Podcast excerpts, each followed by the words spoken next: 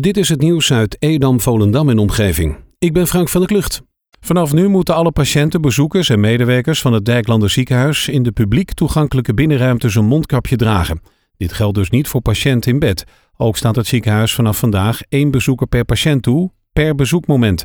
Het ziekenhuis volgt hiermee de maatregel die gisteren door het kabinet zijn geadviseerd. Patiënten en bezoekers mogen zelf een mondkapje meenemen. Wanneer ze dit niet bij zich hebben, kan het ziekenhuis daarin voorzien.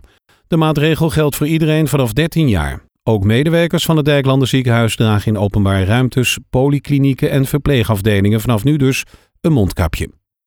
De Sinterklaasintocht van Purmerend op zondag 15 november gaat door. Dat laat organisator Stichting Purmerend Markstad weten.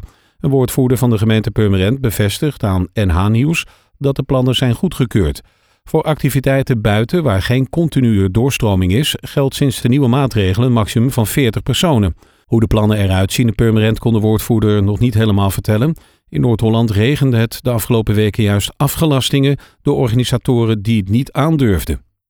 Hoogheemraadschap Hollands Noorderkwartier toetst regelmatig of de dijken veilig genoeg zijn. Op dit moment onderzoekt zij dit voor de dijk in Volendam ter hoogte van het zuideinde. Om de ondergrond, opbouw en sterkte van de dijk in kaart te brengen, voeren ze grond- en bebouwingsonderzoek uit van oktober tot en met november. De uitkomsten van deze onderzoeken gebruikt het Hoogheemraadschap om de stevigheid van de dijk te berekenen. Op deze manier bepaalt men of de dijk nu en over 50 jaar nog veilig genoeg is. Er wordt door verschillende instanties opnieuw de mogelijkheid onderzocht om voormalig zorgpersoneel in te zetten in ziekenhuizen en verzorgingstehuizen, nu zelfs met de aangekondigde maatregelen de verwachting is dat er half oktober ruim 400 IC-bedden bezet zullen zijn. Tijdens de eerste golf werd er ook al zorgpersoneel ingezet om de druk op verplegend personeel te verlichten. Regio Plus, het samenwerkingsverband van 14 regionale werkgeversorganisaties in zorg en welzijn, is een van de partijen achter extra handen voor de zorg.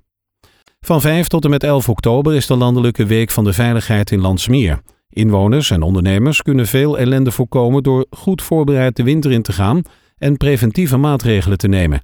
Dit jaar in verband met de maatregelen tegen corona vrijwel geheel digitaal.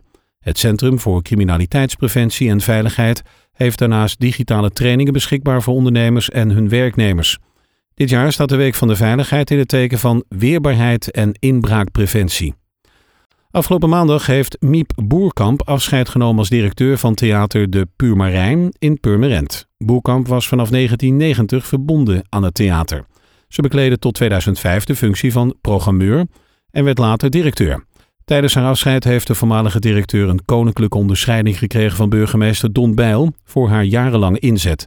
De partner van Miep Boerkamp speelde de koninklijke onderscheiding op vanwege de coronamaatregelen. Na het gelijkspel tegen Go Ahead Eagles is FC Volendam op zoek naar drie punten. Na de 0-0 van de afgelopen zondag wacht zondagavond Roda JC. De duels met de Limburgers leverden afgelopen seizoen veel positiviteit op. De wedstrijd wordt in het Parkstad Limburgstadion gespeeld. De aftrap is zondagavond om 8 uur. FC Volendam speelde al 45 keer tegen Roda JC en 16 keer wisten de Volendammers te winnen. 7 keer werd er gelijk gespeeld en 22 keer wisten de Limburgers te winnen.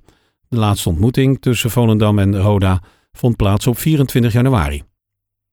Het Oranje Fonds start de zoektocht naar bijzondere projecten uit Groot Waterland die kans maken op een appeltje van oranje. Dit jaar is het thema mentale kracht en staan de prijzen in het teken van projecten die ervoor zorgen dat mensen die het mentaal niet gemakkelijk hebben zich weer goed voelen. Projecten uit Edam-Volendam die aansluiten op het thema kunnen zich tot en met 1 november aanmelden via oranjefonds.nl/slash appeltjes. Drie initiatieven krijgen in juni een appeltje van oranje uit handen van koningin Maxima. Vorige week zijn de eerste heipalen de grond ingegaan voor het project Val van Urk in Volendam. Fijn Wonen bouwt hiervoor de vooruitgang 12 energiezuinige eensgezinswoningen op de plek waar voorheen basisschool De Blokwer stond.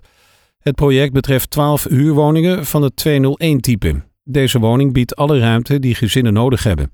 In opdracht van de Volendamse woningcorporatie De Vooruitgang worden deze woningen gerealiseerd. De verwachting is dat de woningen aan het begin van 2021 worden opgeleverd. Tot zover het nieuws uit Edam, Volendam en omgeving. Meer lokaal nieuws vindt u op de Love Kabelkrant, onze website of in de app.